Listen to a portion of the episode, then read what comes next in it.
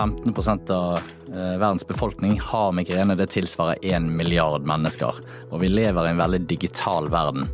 Så hvis noen spiser sjokolade, drikker rødvin, tar et eple, plomme etc. og får trigger og blogger om det, så har det en spredning som er spinnvill eh, og litt uheldig, vil jeg si. Friskere viten, en podkast fra Nyco Plus om det du ikke allerede vet om helse og ernæring.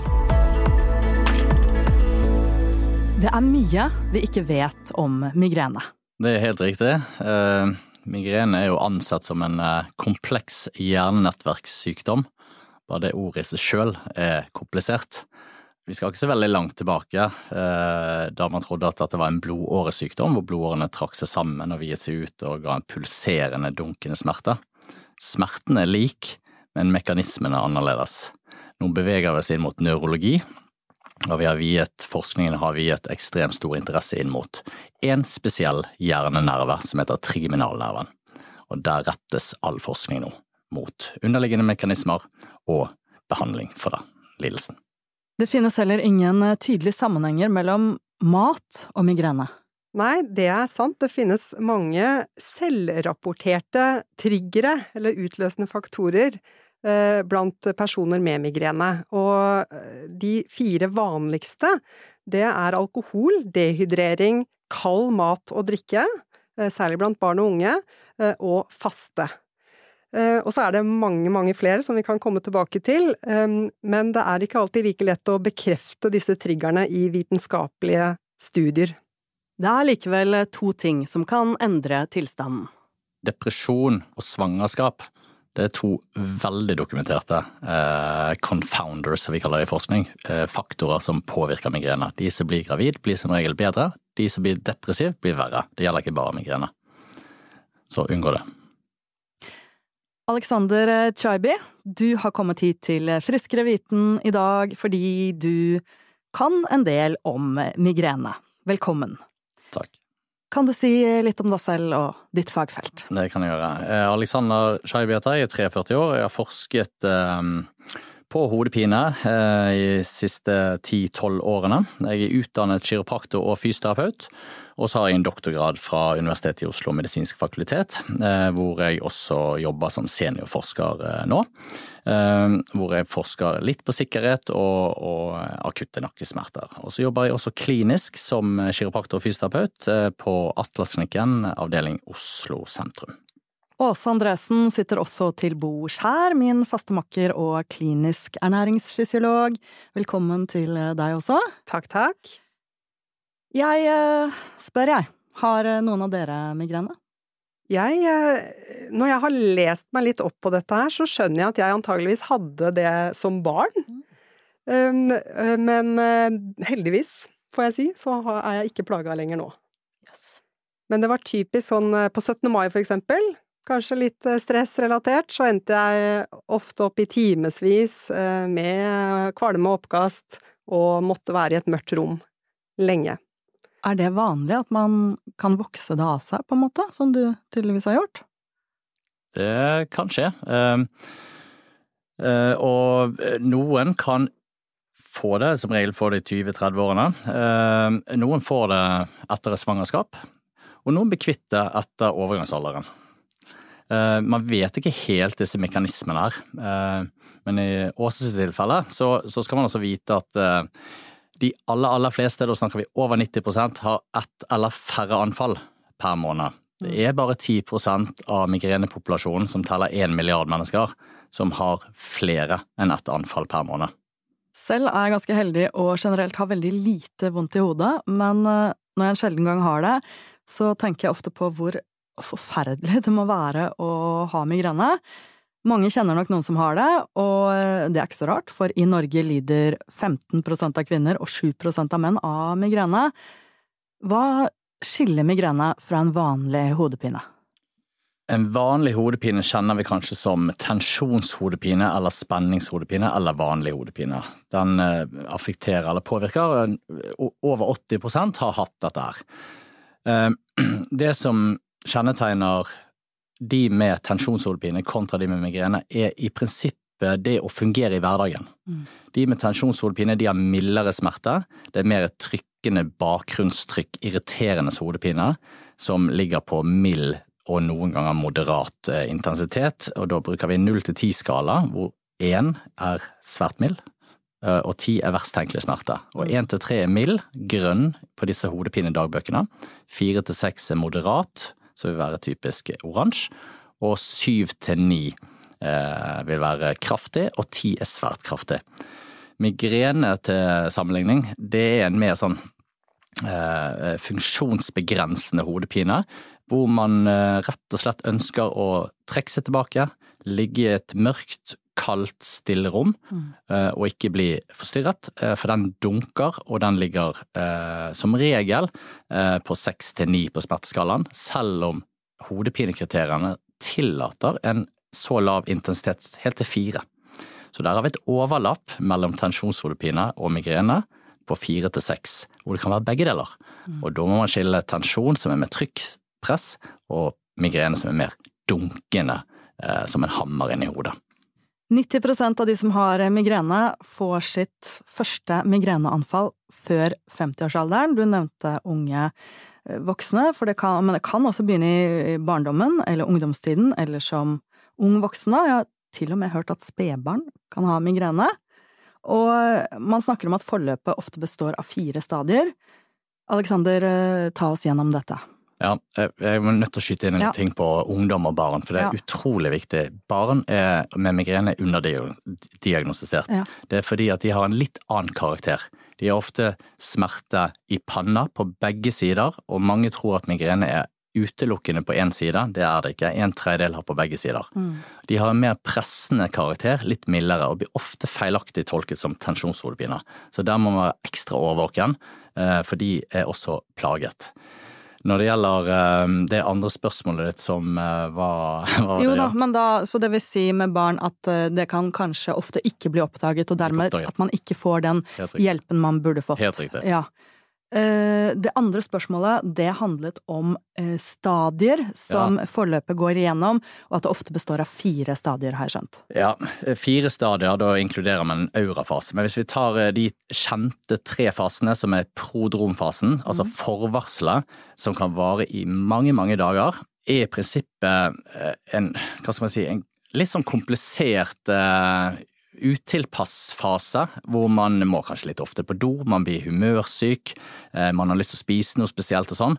Eh, de tegnene er veldig viktig å legge litt merke til, for det har noe med å optimalisere eh, medisinering, stabilisere kosthold, for eksempel, og jobbe litt kognitivt for kanskje avbryte anfallet. Det er litt variasjoner i den prodromfasen fra person til person, men litt årvåken skal man være i den fasen for å gjenkjenne sine egne symptomer. Eh, så utvikler det seg ofte til å bli et migreneanfall. Eh, det er den kjente dunkende hodepinen. Da kan noen ha et, eh, et auraanfall i forkant, og det er ansett som en komplisert nevrologisk forstyrrelse i forkant av den dunkende hodepinen. Den kan vare alt fra fem til 60 minutter og vil så å si alltid inkludere synsforstyrrelser i, forhold, eh, i form av sikksakk-bevegelser. Ofte når jeg har foredrag om dette, så pleier jeg å si er det, er det bevegelse i synsfeltet mm. i forkant av hodepinesmerten. Eh, og hvis det er det, da er det aura til stede. Så er det sånn at det vil alle ha, og så er det en tredjedel som også vil ha litt sånn nummenhet i ansikt og tunge. Noen får talebesvær eh, i tillegg. Det er den aurafasen. Mm. Den varer som regel rundt 20 pluss minutter, men den kan trekke seg opp til 60 minutter. Mm. Og så kommer hodepinen, og den kan vare alt fra fire timer til 72 timer, så opp til tre døgn. Og om ikke det var nok, så har vi en sånn postromfase. Sant? Da er man helt utslitt. Uh, og da er det de ettervirkningene. Mm. Så at man er helt utslitt, daff, trøtt, lei seg, osv. Du kan se på det litt som Karsten Warholm, som lader opp til 400 meter hekk. Full fyr og flamme i kroppen sin, og så løper han 400 meter hekk. Det er migreneanfallet. Nå kommer han i mål helt utslitt. Eh, og, ja. Skjønner? Ja. Det med aura, mm. det høres veldig intenst ut. Nesten sånn nå holder jeg på å bli gal, eller sånn, ja, hva, kan man si det? Nei, det, eh, første gang man får aura, så blir man som regel redd. Ja. Eh, Første gang man får aura, så skal man eh, til øyeblikkelig hjelp for å utelukke alvorlig underliggende sykdom som slag. Ok? Eh, Når det er utelukket man har fått stadfestet en migrene med auradiagnose, så vil faktisk pasientene bli mer og mer kjent med dette her, og de er tryggere og tryggere i situasjonen. Et klassisk eksempel eh, som eksisterer på YouTube, det var en reporter eh, i USA som skulle kommentere Superbowl, og hun fikk auraanfall med synsforstyrrelser. Ja. Og hun skyndte seg gjennom dette her eh, intervjuet sitt, som skulle bare et halvt minutt eller noe sånt, og trodde hun skulle rekke dette her før hun fikk talevansker. Og det visste hun at hun kom til å få, og det fikk hun, og hele USA gikk av hengselet eh, og synes at dette her var eh, meget eh, spesielt, og det var masse 911 etc. Vi som jobber med hodepine, vi visste at dette her var et auraanfall, og, og hun var veldig trygg i den situasjonen. Ja, Så det blir også vanlige folk, Ja, satt litt fokus på det, kanskje? kanskje. Men er det, er det noe sånn at, man, at det er noe man kan gjøre for å stoppe forløpet ved dette første stadiet? Som du sier, at man kan være oppmerksom på tegnet, og er det men er det lost case uansett, eller er det faktisk noe man kan gjøre der for å, å, å stagnere prosessen? Ja, jeg pleier i hvert fall å anbefale mine pasienter da, eh, å bli litt kjent med den prodromfasen sin. Mm. Fordi at eh, og da, da er det litt sånn trial and error. Man prøver litt forskjellige tiltak. ok? Eh, Det kan være å, å, å trekke seg unna det miljøet man er i, enten det er på jobb eller om det er det ene eller det andre. Spiller ingen rolle. Men man er nødt til å endre setting, for ellers så vil jo dette migreneanfallet komme. Det er jo ikke noe, det er ikke noe sånn eh, flukturerende kurve. Dette er en lineær kurve. Han bygger seg opp til migreneanfall, dunkende hodepine, game over til den dunkingen gir seg. Da er du inne i postrom. Men test kognitive tiltak, test miljøendringer, test å gå og spise litt, drikke litt, ta deg en halvtime nepp etc. Eh, Det er variasjoner, men det er kanskje de min beste stalltips. Ja, så det, eh, det gjelder å bli kjent litt med sine egne triggere og sin egen individuelle migrenereise, på en måte. Helt klart. Ja. Åse, er noen disponert for å få migrene? Ja, hvis man har eh, en person i nær eh, familie, et nært familiemedlem, så er det økt risiko for å få migrene selv. Eh, og så har vi jo allerede vært så vidt innom kvinner. Østrogen, hormonet, kvinneøstrogenhormonet, eh, det er altså også assosiert med migrene. Så i forbindelse med, med menstruasjon, graviditet og etter overgangsalder, så kan man se en sammenheng der. Ja. Samtidig som graviditet også kan gjøre det bedre. Ja, for da er det mindre Ja, østrogen. mindre, ikke sant? Ja. Ja. Så det har med østrogenendringer. ja. Det gjelder bare de, eh, som regel de som har migrene med aura. De har ingen endring i svangerskapet, men det teller en tredjedel av de med migrene. Og to tredjedeler av migrene uten aura, de blir som regel bra, eh, enten med en gang eller etter tolv uker. Mm. Og den eksakte mekanismen, som med migrene i seg sjøl, kjenner ikke vi helt. Men igjen, det er sikkert litt østrogen og, og sånne hormonelle ting som, eh, som påvirker. Det er derfor gravide aldri får være med i kliniske studier. For de er for vanskelig å sette prognose på. Og du nevnte jo overgangsalder. Det er jo kjent at da mister kvinner eh, mye av østrogenproduksjonen.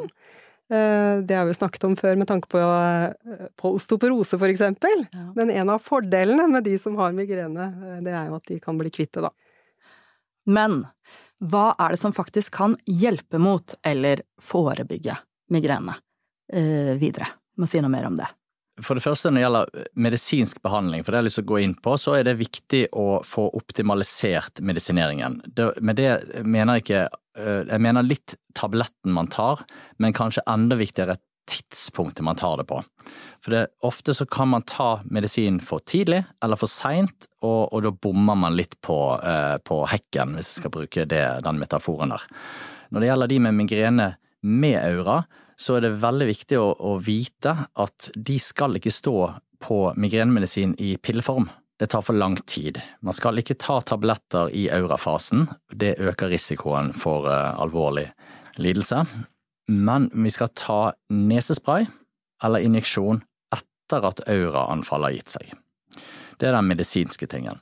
Så kan man snakke om manuelle behandlinger i form av akupunktur, eller kiropraktikk, eller fysioterapi, eller lignende, osteopati og sånn.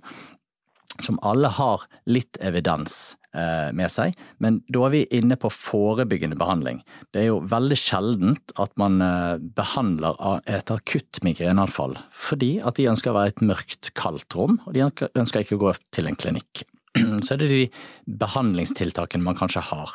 Noen har kanskje eh, behov for eh, kognitiv hjelp, også for å lære seg selv å kjenne bedre, og, og kanskje avbryte et migreneanfall, for det kan de også gjøre noen ganger. Mm. Uten at de helt vet det. Kanskje de trenger hjelp til å forstå hvordan de klarer det. Mm.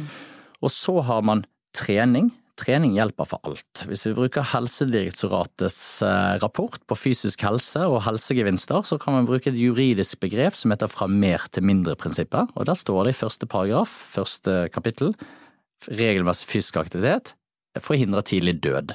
Det er det absolutt mm. ultimate eh, konsekvensen. Sant? Så alt er mindre enn det, også migrene. Så det vil jo da hjelpe da forebyggende eh, ved å ha regelmessig aktivitet. Mm. Og så har vi ernæring, som eh, denne podkasten eh, er opptatt av.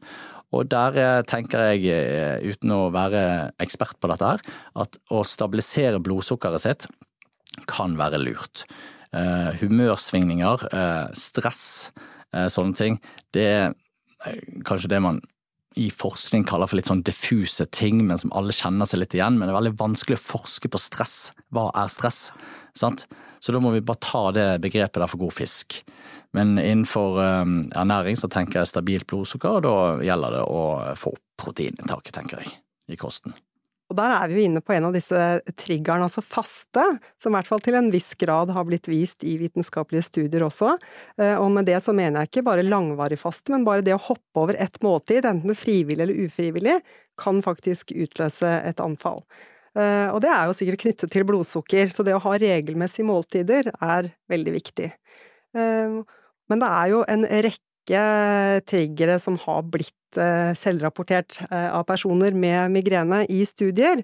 Eh, og jeg er litt opptatt av at man ikke automatisk utelukker alle disse matvarene uten å ha testet det ut selv. For hvis man skal gjøre det, så kan man risikere å ende opp med et kosthold som ikke er spesielt fullverdig. Nå er det ikke krise å utelate sjokolade og rødvin og, og, øl og mye fett og store mengder kjøtt og en del andre ja, diverse, altså sitrusfrukter, eh, noen grønnsaker. Man, man klarer det. Eh, men hvis man eh, plutselig ender opp med et veldig restriktivt kosthold, ja, da kan jo det kanskje gjøre at man får diverse mangler. Så jeg er litt opptatt av at man kanskje skriver en migrenedagbok. Ikke bare følger noe man har lest eller hørt, men faktisk forsker litt på seg selv. For det er, som du Alexander var inne på, det er ikke alltid så lett å gjøre ordentlig vitenskapelige studier på dette området. Eh, når det gjelder ernæring, det er komplisert sammensatt. Eh, det er ikke som å studere en, eh, et medikament. Et eksempel er jo at man har tatt stoffet tyramin Eh, som er i både modne oster og rødvin, typiske triggere. Mm. Men så har man gitt det i eh, en kapselform, og, og studert det opp mot placebo, altså narrepille. Og da, i fire studier i hvert fall, så klarer man ikke å se noe effekt på migrene. Mm. Eh, nå kan det selvfølgelig være andre ting i de matvarene som er utløsende, men man skal liksom være litt bevisst og, og, og teste litt selv. Jeg syns det var et viktig innspill det med fasting, for jeg syns det, det, er veldig sånn pop og veldig mye fokus på det nå, at det er så bra. Så det er kanskje et viktig innspill at det, det ikke nødvendigvis er en god idé hvis du har migrene, eller at du kanskje må tenke gjennom det da. Nei, og jeg tenker livsstilsfaktorer er jo viktig for, eh, for alle, for mm. folkehelsen, mm. men kanskje spesielt hos denne gruppen her. Det med regelmessig fysisk aktivitet, som du var inne på. Det med god søvn. Eh, det med regelmessige måltider. Mm. Eh, og, og, det med å ikke unngå altfor mye matvarer uten å vite at det faktisk har en effekt. Ikke sant. Det slår meg at det her ligger mye ansvar på pasienten som lider av migrene. At du, du nevner at du må være veldig nøyaktig med når du tar medisinen, og du må på en måte forske på deg selv og finne ut av det selv. At det, det slår meg at det står Du må ta mye ansvar selv. Ja, det, Det, kanskje, det, kommer kanskje litt feil ut, for det er egentlig helsearbeiderne som jobber med hodepinepasientene, som har ansvaret i å lære opp pasientene sine i når de skal ta eh, medisin. Men hvis jeg kan bare skru eh, litt tilbake til det som Åse sa i forhold til de matvarene. Mm. For det der er egentlig et utrolig viktig poeng. altså. Eh, når vi vet at 15% av eh, verdens befolkning har migrene, det tilsvarer én milliard mennesker. Og vi lever i en veldig digital verden. Så hvis noen spiser sjokolade, drikker rødvin, tar et eple, plomme etc. og får trigger og blogger om det, så har det en spredning som er spinnvill mm. og litt uheldig, vil jeg si. Og, og da hvis man er veldig aktiv på sosiale medier og kjøper alt dette greiene her, så ender man eh, litt, eh, tynn, eh, litt på tynn is, altså. Og da vil jeg utfordre de som har migrene, til å begynne å, hva skal man si, eh, gjeninnta matvarer eh, som de har lyst på. Og det skal de da gjøre typisk etter et migreneanfall. Mm. For det at eh, vi bruker en sånn skala sant, som vi snakket om eh, innledningsvis, fra null til ti. Og migrene er typisk fra fire til ni på smerteskalaen. Og hvis man er oppe på type fem, fem og en halv, seks, så spiller det kanskje ikke noen rolle hva du spiser og drikker. Migrene hadde kommet uansett. Eh, hvis du spiser et eple og får da anfall, så assosierer du eplet med en trigger. Unngå å spise eple. Synd på det lille eplet, for det er ikke eplet sin skyld, det er skalaen og utviklingen av dette migreneforløpet. Her har vi hatt noe prodromfase fra før i tillegg. Så to dager etter et migreneanfall, da er du på null på den skalaen igjen. Da tar du et nytt eple. Mm. Og hvis du ikke får migreneanfall da, så legger du det i boksen med 'dette trigger ikke min migrene'. Og da vil du fylle opp den boksen etter hvert, og til slutt så spiser du sjokolade og koser deg med et glass rødvin foran peisen. For det handler jo litt om livskvalitet også, tenker jeg. Eh, jeg har veldig stor forståelse for at personer med migrene ikke har lyst til å ha et migreneanfall, og gjør veldig mye for å unngå det. Men eh, det er en balansegang her, da. Eh, det er jo kanskje et litt stusslig liv òg, hvis du plutselig ikke kan drikke, ta deg et glass rødvin og den sjokoladebiten og kose deg med det, det eplet eller den sitrusfrukten. Mm over eh, stadig fyll fører jo til dehydrering, og dehydrering er jo heller ikke bra for migrene. Eh, sånn at vi må holde oss i balanse, ikke det de sier? Ja, jeg syns hele den derre postromfasen hørtes ut som en sånn svær fyllesyke. Det er en hangover. Er eh, ja da, og det er jo et eksempel, ikke sant. Hva er hva? Hva er den utløsende faktoren? Er det den alkoholen, eller er det dehydreringen? Mm.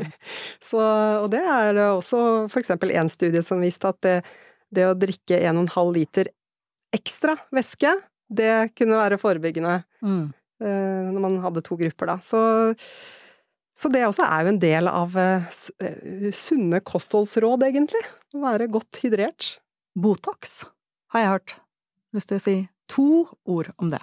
Botox er innenfor forebyggende behandling. Så klassisk så har vi blodtrykkssenkende, betablokkere og antiepilepsimedisiner. Det er tradisjonelle medisiner som eh, vi ved en tilfeldighet har oppdaget mm. funker for eh, å redusere antall dager med migrene. De er i kategorien blod-hjerte, eh, tidligere hypotese. Så har vi testet ut med Botox, eh, standardprotokoller, og så ser vi at det har en enormt god effekt, også oppimot 50% reduksjon i antall dager. Botox testet opp mot placebo, ikke så overbevisende. Mm. Der er det bare noen eh, prosent som skiller. Eh, men da har man mange folk i disse studiene som oppnår man signifikant resultat. Men Botox har sin plass. Okay?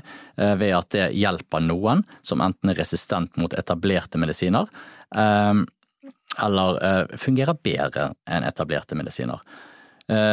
Og så har vi da de nye medisinene, CGRP-hemmerne. Og så eh, kan det være noen er blitt resistente mot en type behandling osv. Og, så og noen er kontraindisert, kan ikke ta de etablerte medisiner.